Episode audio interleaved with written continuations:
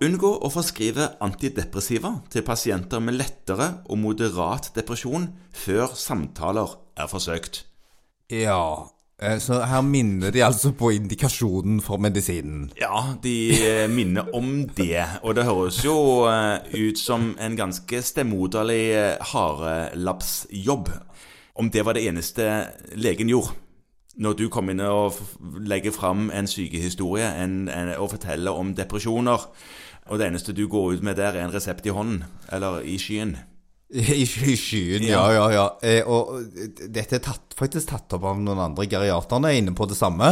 Ja, for dette rådet kommer, les, det jeg leste opp nå, var fra allmennmedisin. Ja, og så har geriaterne sagt at eh, man skal unngå bruk av antidepressiva hos eldre. Ja, altså der er det kanskje ikke så lurt i det hele tatt. Nei, Nei, for det er en del hvert- bivirkninger. Ja, men i Mhm. hvert fall eh, uten at du først har gjennomført adekvat utredning og vurdert ikke-medikamentelle tiltak. Altså, Ja. d- Igjen så er det jo litt sånn at, ø, og det gjelder jo mange av disse, at de minner oss på noe som er veldig lurt. Ja. Utred først, Ja. og start på l- første behandlingstrinn. Ja, og så er det jo sånn at eh, veldig mange av de som kommer med denne typen problemstillinger, eh, de er litt skeptiske til medisiner i det hele tatt. Ja, eh, det er litt både òg, Ja, det er i litt min både og. erfaring. Ja, altså, det- Der er liksom, der er noen som tenker 'kan jeg få en pille for dette?' Ja da. Eh, En og- quick fix, og liksom. veldig gjerne vil ha det. Ja, Og så er det noen som, som ikke vil ha det i det hele tatt. ja, ja riktig det. Og de som ikke vil ha det i det hele tatt, der er det ikke så noe vanskelig å begynne med samtaleterapi først. Nei, Nei. og så går det an å fortelle om medisiner som en krykke. Ja. Altså, Hvis du har vondt i foten, så er det greit å avlaste litt med en krykke, og det blir litt det samme her, bare i overført betydning. Men, men det er nok i hvert fall ikke feil å si at på milde til moderate psykiske lidelser, Ja. så er effekten på den med typen medisiner i hvert fall moderat. Ja, den, eh, jeg er helt enig. For det der er, der er tre ting i denne på en måte, sekken vi har å spille på. Det ene er medisiner og samtaler, og så er det én ting til. Og det er Fysisk aktivitet. Ja.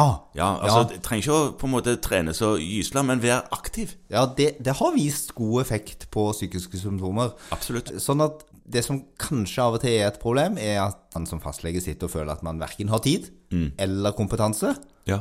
til å drive disse samtalene. Nei. Og da er det jo lett å gripe til blokken.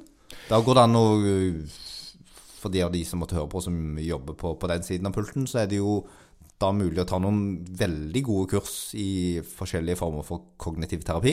Ja, ja, absolutt. Sånn at du iallfall lærer noen prinsipper som du går an å benytte, sånn at du føler litt grann kompetent. Litt mer kompetent. Men d- når når det er sagt, så er det jo eh, det å bare ha en regelmessig eh, samtale for å følge opp hvordan det går, kan òg ha gode effekter. Men Ja. det er ikke nødvendigvis Trenger ikke være terapeut på et vis. Ikke i det hele tatt, eh, men man kan bli litt tryggere.